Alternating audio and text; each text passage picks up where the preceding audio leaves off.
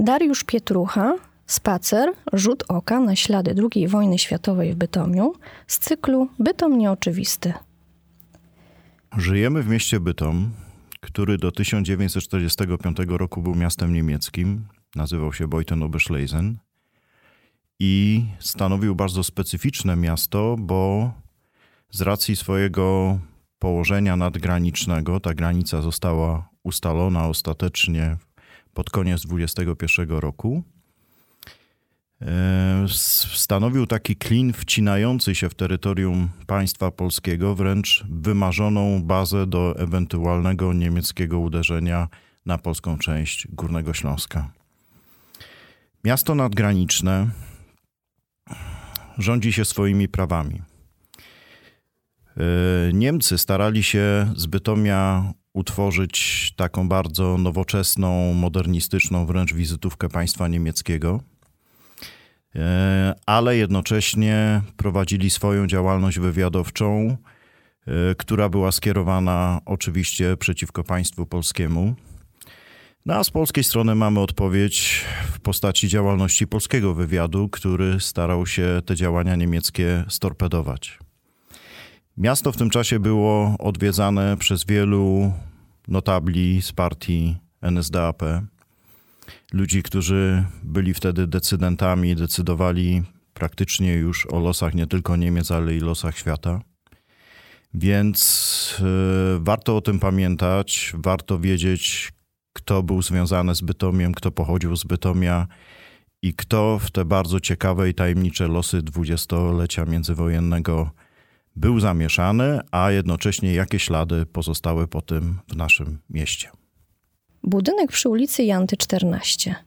Miejsce urodzenia Wacława Smoczyka, człowieka, za którego Hitler wyznaczył nagrodę.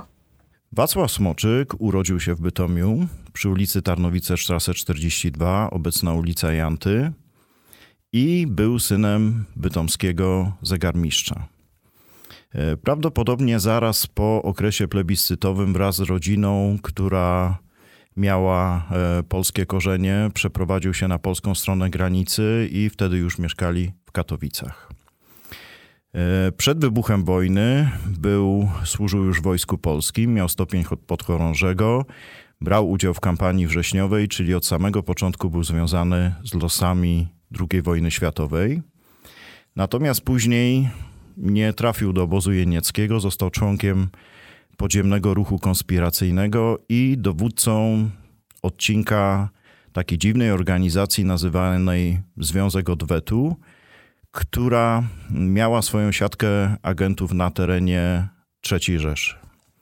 Jego zadaniem w ramach Związku Odwetu było organizowanie zamachów bombowych, które miały zdezorganizować nie tylko życie militarne w III Rzeszy, ale również e, życie społeczne. Miały po prostu wystraszyć. Takie było zadanie Związku Odwetu.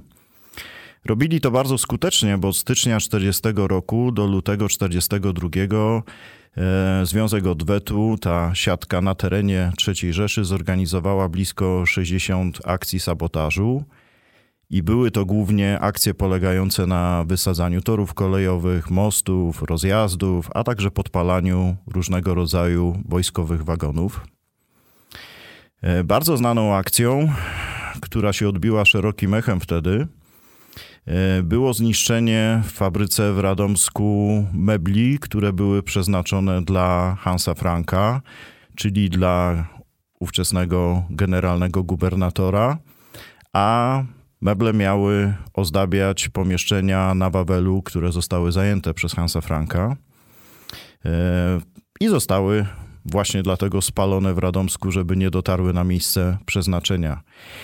Jednakże największym sukcesem, a jednocześnie powodem, dla którego Wacław Smoczyk stał się jedną z najbardziej poszukiwanych osób w III Rzeszy, były dwa zamachy bombowe na dworcach kolejowych w Berlinie i Wrocławiu, i tutaj data jest bardzo charakterystyczna, bo one zorganizowane zostały w nasze polskie święto żołnierza, święto Wojska Polskiego, czyli dokładnie 15 sierpnia 1940 roku.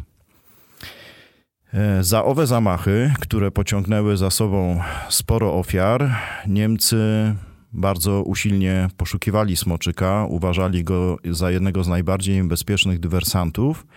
Jednocześnie nie mieli pojęcia, jakiego pochodzenia narodowego jest Smoczyk. Szukali go w całej Europie. E, Gestapo miało naprawdę spory problem, żeby go namierzyć. Za jego głowę wyznaczono nagrodę, a poszukiwaniami bardzo interesował się osobiście sam Adolf Hitler, który chciał jak najszybciej znaleźć winnego tego zamachu. E, mimo tego Gestapo nie wpadło na trop e, Smoczyka.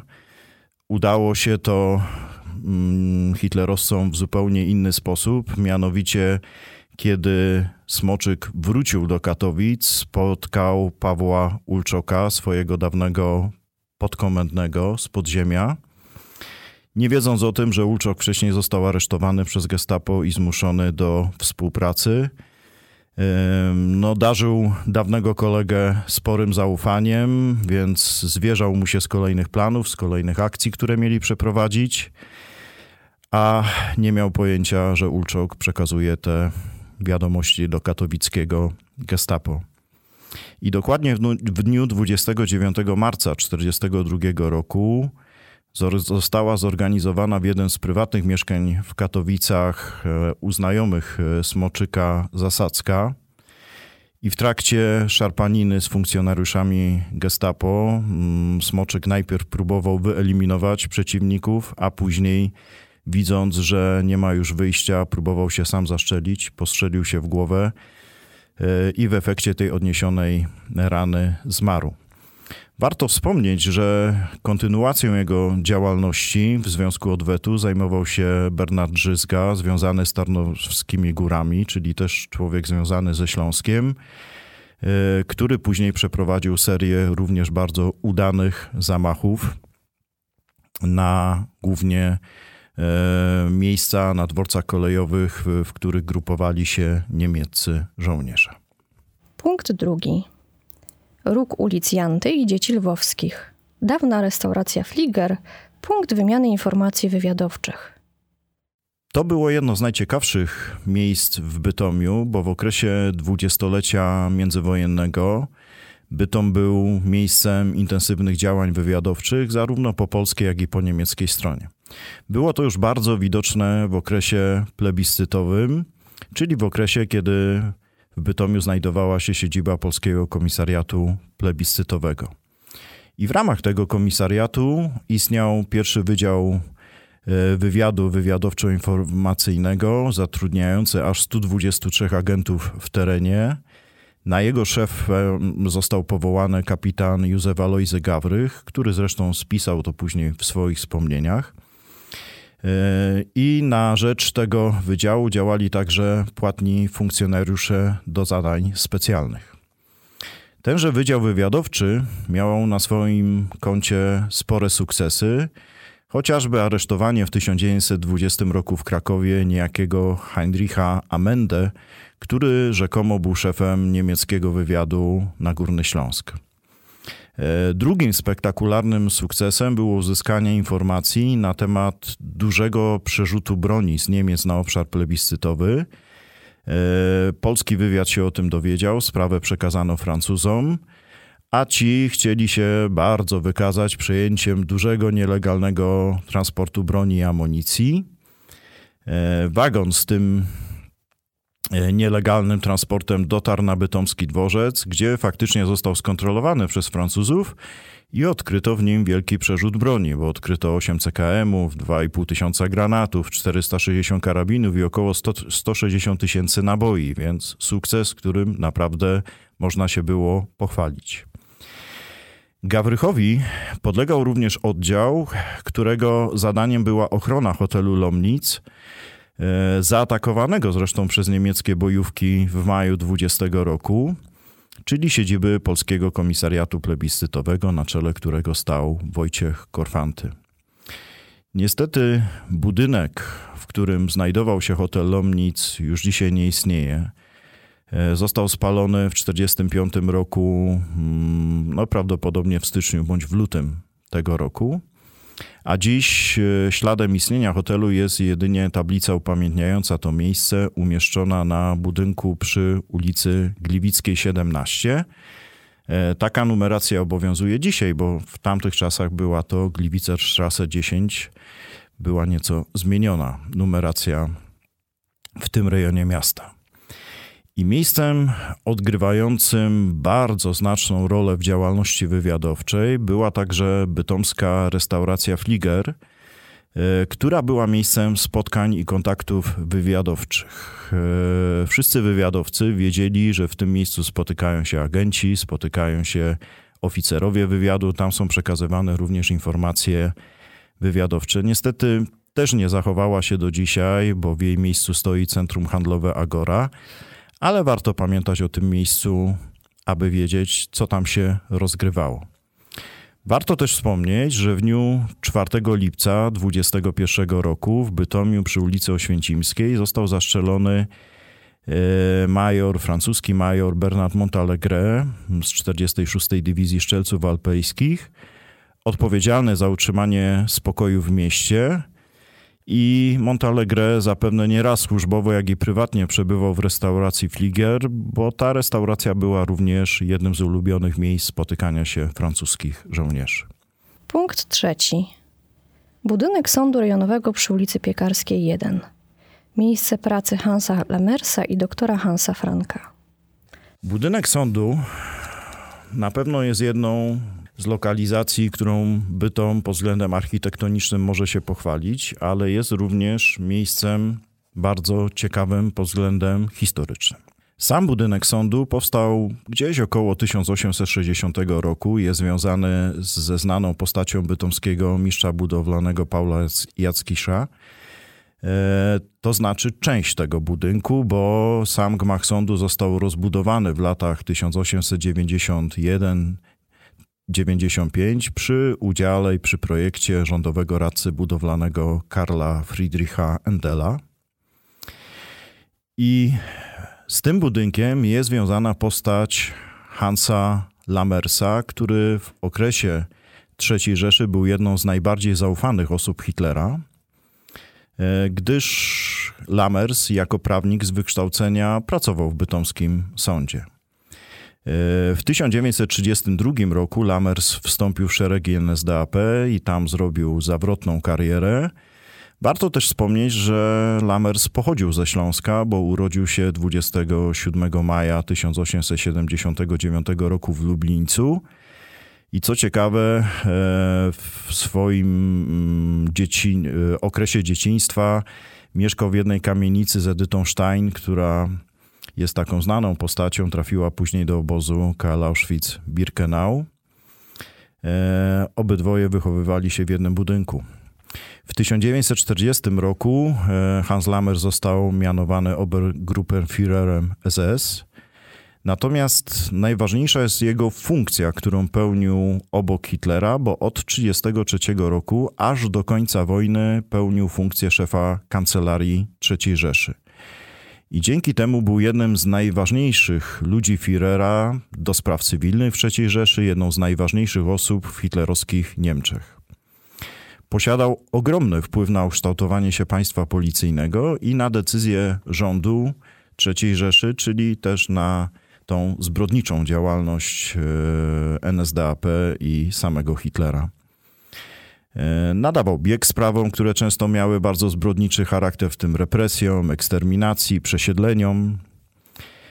Oczywiście za swoją działalność był sądzony w Norymberdze i w 1949 roku został skazany na 20 lat więzienia. Jednakże nie odbył całego wyroku, gdyż został później ułaskawiony i w 1954 roku został z więzienia zwolniony.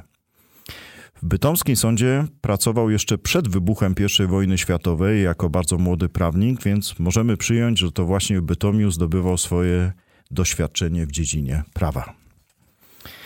Jeżeli chodzi o budynek sądu, to warto też wspomnieć, że jest on związany z jeszcze bardziej znaną postacią w historii III Rzeszy, czyli e, z doktorem prawa Hansem, Hansem Frankiem. Który później pełnił podczas wojny rolę generalnego gubernatora. E, a cała ta historia dotyczy procesu zabójców Konrada Piecucha. Piecuch był aktywistą komunistycznej partii Niemiec, czyli w okresie przedwojennym jednym z największych przeciwników e, partii nazistowskiej, bo komuniści i naziści toczyli w III Rzeszy między sobą e, zaciekłe boje. Co więcej, Piecuch był też e, uczestnikiem trzeciego powstania śląskiego. Po podziale Górnego Śląska Piecuch nadal mieszkał po niemieckiej stronie granicy, ale oczywiście E, naziści znali jego przeszłość, wiedzieli co robił, kim jest i podjęto tragiczną wręcz decyzję o jego zamordowaniu. E, I podjęło się tego kilka, kilku członków e, oddziałów Sturmabteilung, czyli SA, pochodzili z Rokitnicy. No i niestety w 1932 roku Piecuch został zamordowany we własnym mieszkaniu. Sprawa odbiła się wtedy bardzo szerokim echem na całym Górnym Śląsku, właściwie w całych Niemczech. Mordercy Piecucha zostali postawieni przed sądem i ich proces odbywał się właśnie w Bytomiu w gmachu przy ulicy Sądowej. Natomiast e, partia nazistowska wyznaczyła do roli ich obrońcy właśnie doktora Hansa Franka, który pełnił rolę E, próbował tłumaczyć motywy tego politycznego zabójstwa. E, warto też wspomnieć, że tych pięciu skazanych, czy może sądzonych w bytomskim sądzie, oni e, wykazywali się takim bardzo nonszalanckim podejściem wobec sędziów, wobec tej całej sprawy, nie, wykaże, nie wykazywali żadnej skruchy, sprawiali wręcz wrażenie, że są dumni z tego, co zrobili. E, natomiast e, sprawie nadano ogromny rozgłos i dlatego w sierpniu 1932 roku, kiedy wiadomo było, że ma zapaść już, e, proces ma się zakończyć, po prostu mają zapaść ostateczne decyzje. W Bytomiu z różnych miejsc, z okolicznych miejscowości zjechały się bojówki SS i SA i zaatakowały lokale należące do bytomskich działaczy partii mi w mieście wybuchły bardzo poważne zamieszki. E, stworzono kordon policyjny, żeby mm, no, mieszkańców nie spotkało nic złego, no ale niestety rozścieczony tłum robił swoje, więc był to bardzo niebezpieczny okres dla miasta. I dokładnie w dniu 22 sierpnia 1932 roku wydano wyrok. Wszystkich pięciu bojówkarzy skazano na śmierć. E, jednakże na tym się właściwie skończyło, bo wyroku śmierci chyba nikt nie miał tak naprawdę zamiaru wykonać. Interweniował w tej sprawie Związek Polaków w Niemczech i to interweniowali w samej Genewie, ale wyroku śmierci nadal nie wykonywano. Natomiast już rok później Hitler został kanclerzem Niemiec, czyli możemy uznać, że naziści w tym momencie doszli do władzy. No i oczywiście wyrok został anulowany. Co więcej, skazanych uroczyście zwolniono z więzienia i wręcz nadano im status bohaterów ruchu nazistowskiego. E... Warto wspomnieć, że podczas II wojny światowej w bytomskim e, więzieniu urządzono, e, urządzono areszt dla kobiet i mężczyzn z okręgów sądowych w Nysie, w Raciborzu, w Bielsku i w Bytomiu, e, którzy to wszyscy, wszystkie te osoby odbywały kary aresztu do roku i zazwyczaj byli to więźniowie na tle politycznym. Czyli było to miejsce, gdzie też stosowano ten represyjny system prawodawstwa hitlerowskiego wobec wszelkich oponentów politycznych. W styczniu 1945 roku, kiedy do Pytomia zbliżała się już linia frontu, oczywiście jak z innych więzień na Górnym Śląsku starano się ewakuować więźniów. E, no nie dało się ewakuować wszystkich, bo nie, nie wszyscy nadawali się do tego marszu ewakuacyjnego, ale sporą część osób wyprowadzono. Kobiety starano się doprowadzić, część faktycznie tam dotarła do obozu koncentracyjnego Ravensbrück, a mężczyźni do obozu w Buchenwaldzie. Na tym się jednak nie kończy um, tragiczna historia tego miejsca, bo zaraz po przejęciu władzy najpierw przez sowiecką komendanturę wojenną, a później przez polskie władze komunistyczne w bytomskim więzieniu byli po pierwsze przetrzymywani Ślązacy, których skierowano do deportacji do Związku Radzieckiego, ale więziono także członków polskiego podziemia, oczywiście nieprzychylnych nowym komunistycznym władzom. I w tym samym więzieniu przebywali również hitlerowscy zbrodniarze wojenni, więc taka tragedia tego miejsca. Ciekawostką jest też to, choć dramatyczną w historii miasta, że do lat 70. XX wieku w bytomskim więzieniu wykonywano kary śmierci. Punkt czwarty. Plac Tadeusza Kościuszki. Dawny Adolf Hitler Plac. Podczas wojny obecny plac Kościuszki został przemiany na plac Adolfa Hitlera. Zapewne miało to związek e, z wizytą Führera w naszym mieście, która to miała miejsce w dniu 19 kwietnia 1932 roku. Wtedy Hitler odwiedził nasze miasto jeszcze w trakcie kampanii wyborczej przed wyborami parlamentarnymi w Niemczech. Jeszcze nie był Führerem, no ale już był E, niekwestionowanym przywódcą NSDAP. E, stąd później na pamiątkę tej wizyty przemianowanie placu na Adolf Hitler Plac. Poza tym Hitlerowi nadano status honorowego obywatela miasta Bytomia, a podczas wojny na samym placu, na środku tego placu ustawiono obelisk będący pomnikiem ku czci Hitlera.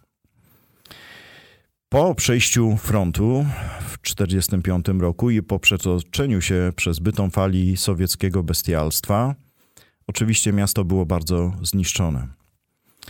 E, ale to niestety nie był koniec tej tragedii, bo pomijając wcześniejsze działania wojenne, wynikające z nich różne tragiczne sytuacje, mieszkańców Śląska dotknęły kolejne dramatyczne wydarzenia. Wysiedlenie ludności uznanej za niemiecką, osadnictwo repatriantów i związane z tym problemy, a także akcja weryfikacji obywatelstwa rodzimej ludności Śląska. Tragedia mieszkańców Bytomia wiązała się z dramatyczną historią takich miejsc jak obozy w Świętochłowicach, Gliwicach, Toszku czy w Sławięcicach, gdzie przetrzymywano właśnie autochtonów przed ich weryfikacją i ewentualnym wysiedleniem na teren Niemiec. Na ziemiach polskich jak i na wszystkich terenach, które zdobyli Sowieci, powstały sowieckie komendantury wojenne. Stanowiły one etatowe instytucje Armii Czerwonej i były dostosowane do podziału administracyjnego każdego zdobywanego kraju. Tak po prostu urządzili swoje tyły frontowe Sowieci. I zadaniem e, każdej komendatury była likwidacja wszelkich wrogich wystąpień przeciwko jednostkom sowieckiej armii, a także stworzenie warunków do wykorzystania lokalnych zasobów na potrzeby wojenne. Siedziba bytomskiego komendanta wojennego, którym był podpułkownik Rachno, znajdowała się w dawnej Cafe Hindenburg, najbardziej eleganckiej restauracji w mieście na dawnym Adolf Hitler Platz. W 1945 roku w wielu istniejących od czasu niemieckiej okupacji obozach pracy przymusowej zakładano nowe. I w tych obozach osadzano niemieckich jeńców, ale także mieszkańców Śląska. I tu nasze miasto też ma swój tragiczny udział, bo szczególnie wysoką liczebnością nowych robotników przymusowych wyróżniały się obozy ulokowane przy ówczesnych kopalniach Centrum, Bobrek, Rozbark czy Sząbierki. Nadzorem nad tymi obozami, do których kierowano osoby aresztowane na mocy specjalnych zarządzeń, zajmowało się sowieckie NKWD, a osobiście był to pułkownik Kowalczukow, który wraz ze swoim sztabem również ulokował się w tamtych czasach w Bytomiu. Warto też wspomnieć, że obecny Plac Kościuszki po wojnie przez krótki okres czasu nosił nazwę Placu Józefa Stalina – ale był również miejscem, które odwiedzili, które odwiedzili w naszym mieście sławni goście. E, I tak dla przykładu. W 1959 roku przez plac Kościuszki przyjechał Nikita Chruszczow, w 1961 roku był to Yuri Gagarin, w 1964 roku Josip Broz Tito, w 1967 roku Charles de Gaulle, w 1972 roku chyba najbardziej egzotyczna postać, czyli Fidel Castro, no i w 1974 roku Leonid Breżniew. Punkt piąty. Dworzec kolejowy w Bytomiu przy Placu Wolskiego 1. Miejsce, skąd w 1942 i 1943 roku wywieziono bytomskich Żydów na śmierć. Kiedy nastąpił ostateczny podział Górnego Śląska w 1922 roku, Bytom oczywiście miał swój przepiękny budynek dworcowy, ale on się okazał mm, no, niewystarczający do nowej funkcji miasta nadgranicznego. Dlatego zaczęto wyburzać te stare budynki dworcowe i w 1929 roku rozpoczęto budowę obecnego dworca kolejowego. E, wzniesiono budynek dworcowy, wzniesiono nową halę peronową i tenże budynek składał się z części głównej, z części zachodniej, tak zwanej Westhalle, gdzie było ulokowane, znane doskonale mieszkańcom Bytomia przejście podziemne na drugą stronę dworca, a także z hali wschodniej, czyli Ockhalle, gdzie umieszczono część hotelową. Należy również zwrócić uwagę na układ peronów na dworcu, gdyż pamiętajmy, że była to stacja nadgraniczna i peron leżący najbliżej budynku dworcowego został oznaczony jako peron pierwszy i stał się miejscem, przy którym zatrzymywały się pociągi albo jadące z Polski, albo zmierzające w jej kierunku. Dlatego nazywano go peronem polskim. Aby mieć e, pełną kontrolę nad ruchem pasażerskim z tego peronu, wybudowano specjalne przejście podziemne, z którego mogli korzystać tylko pasażerowie wysiadający na peronie pierwszym, tak zwany Polnischer Zolltunnel.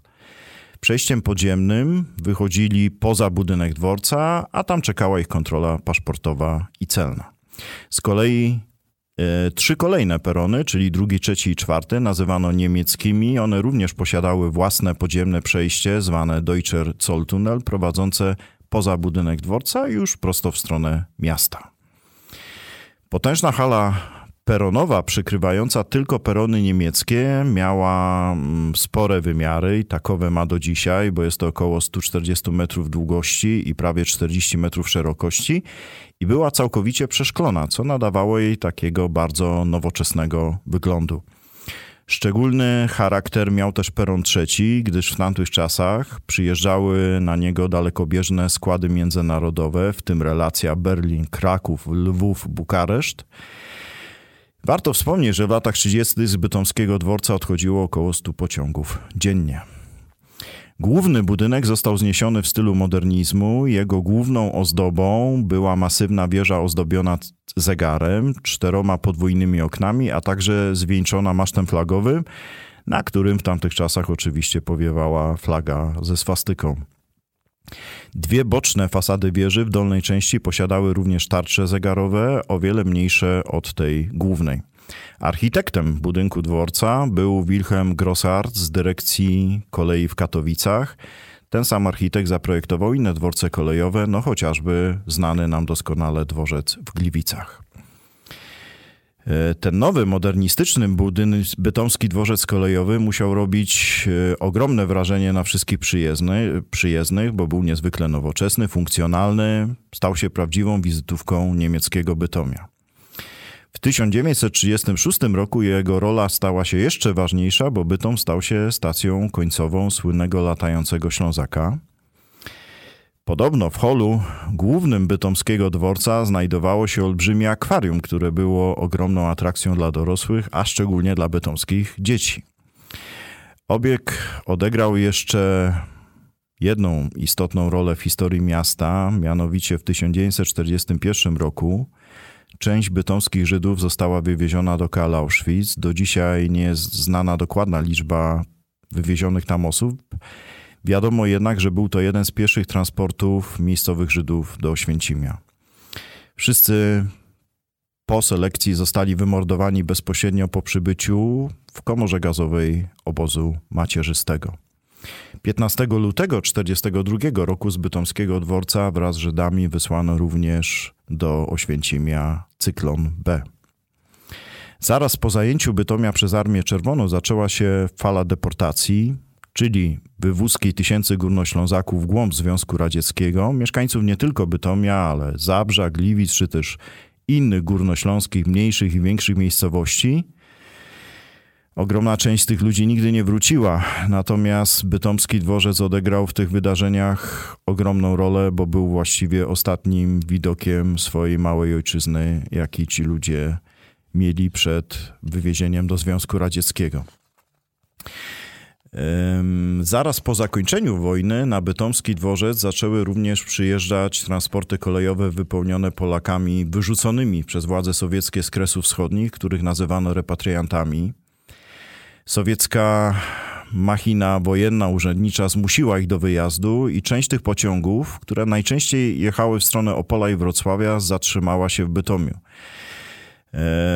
Czasami ten postój przedłużał się nawet do kilku tygodni. W ten sposób wielu repatriantów znalazło w Bytomiu swoje miejsce na ziemi, chociaż wcale nie był to ich punkt docelowy. Dzisiaj potomkowie tych ludzi stanowią bardzo znaczną część bytomskiej społeczności. Punkt szósty. Budynek szkoły baletowej przy ulicy Jagiellońskiej 23. Dawna siedziba powiatowego dowództwa NSDAP. W okresie II wojny światowej Bytom, jako niemieckie miasto, był częścią hitlerowskiej III Rzeszy. Partią, za pomocą której naziści rządzili państwem niemieckim jego obywatelami, stosując metody inwigilacji, było NSDAP. Owa partia po wojnie została uznana za organizację przestępczą odpowiedzialną za wywołanie wojny i popełnione podczas niej zbrodnie. Bytomska komórka NSDAP powstała w 1925 roku i początkowo podlegała kierownictwu okręgowemu z siedzibą we Wrocławiu. Na czele kierownictwa okręgowego stał Gauleiter, natomiast na czele jednostki miejskiej Kreisleiter.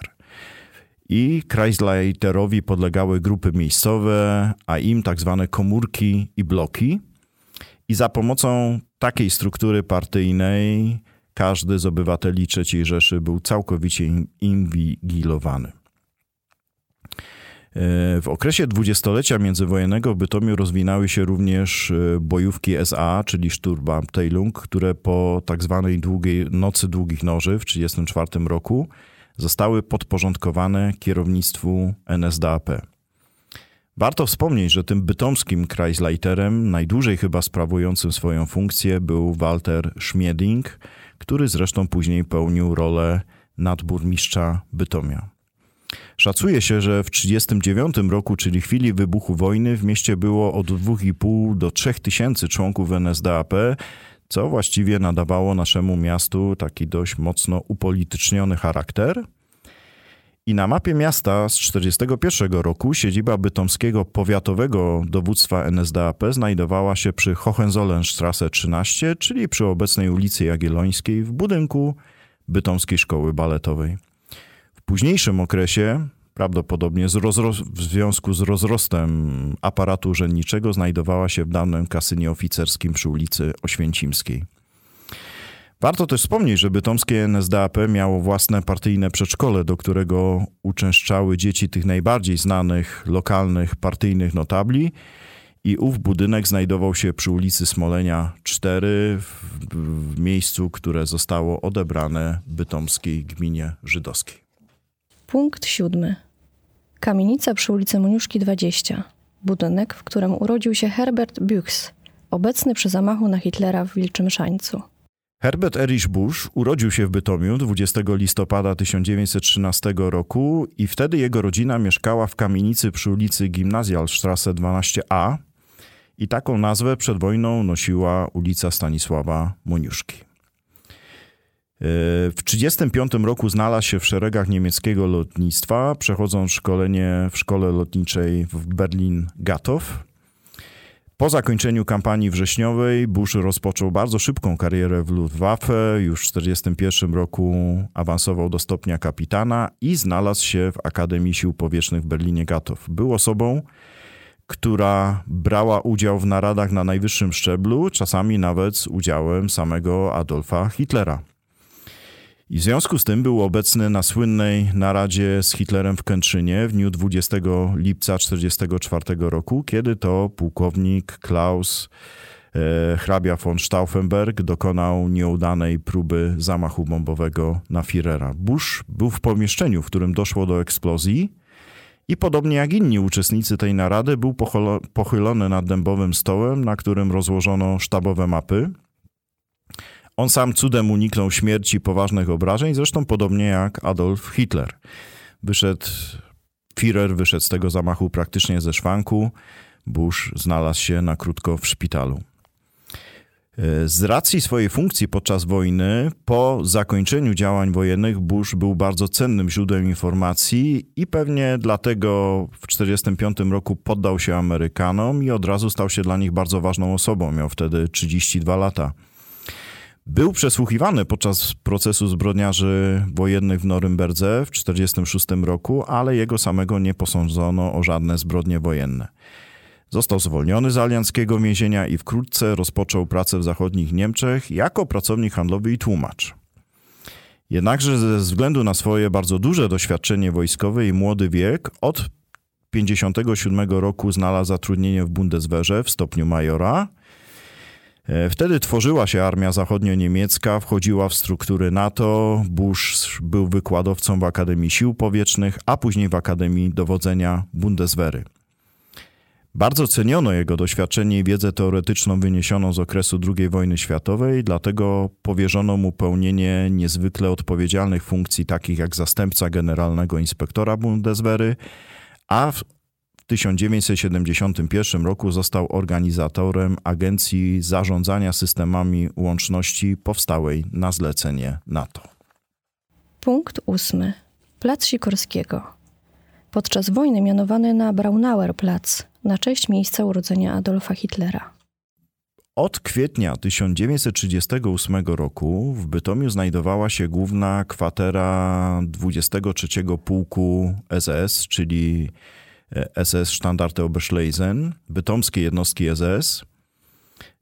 No i między innymi to członkowie tej formacji zajęli się wykonywaniem zaleceń związanych z realizacją Kryształowej Nocy w 1938 roku w Bytomiu. Od 1943 roku ten pułk zajął się działalnością strażniczą w Kale Auschwitz-Birkenau, takie wyznaczono im zadanie, i kierował działalnością administracyjną na terenie obozu. Można więc podejrzewać, że członkowie tego pułku pochodzący z Bytomia służyli jako strażnicy w tym najbardziej znanym obozie śmierci. Potwierdzają to zresztą biogramy niektórych członków tego pułku.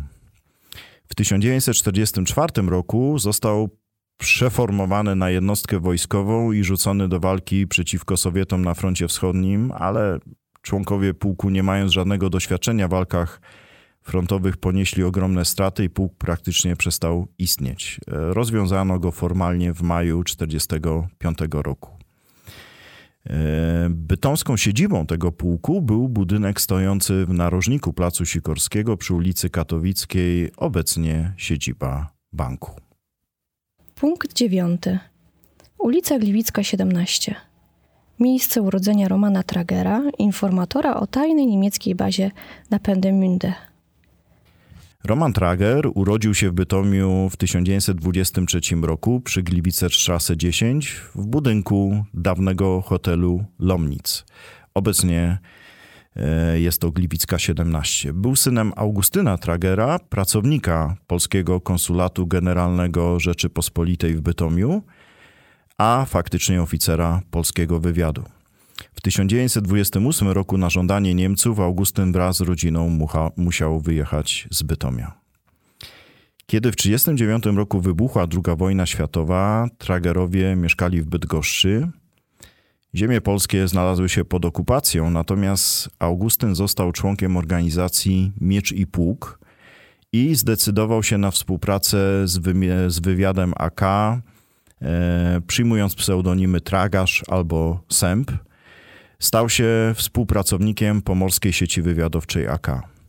Natomiast jego syn Roman został powołany do niemieckiej armii i służył na wyspie Uznam w słynnym tajnym niemieckim ośrodku badawczym pracującym nad różnego typu cudownymi broniami, jak to, Niemiec, jak to Niemcy nazywali Wunderwaffe.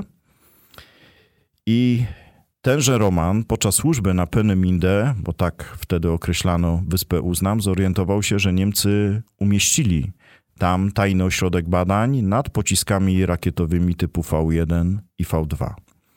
Zdawał sobie sprawę, że może to być bardzo niebezpieczna i śmiercionośna broń, która nawet może zapewnić III Rzeszy zwycięstwo. I postanowił działać.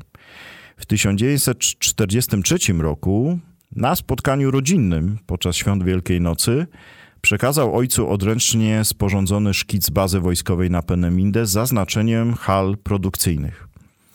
Ojciec od razu zorientował się, jak są to cenne informacje i namówił syna do współpracy z wywiadem AK. E, no i wtedy Roman przyjął kryptonim T2AS.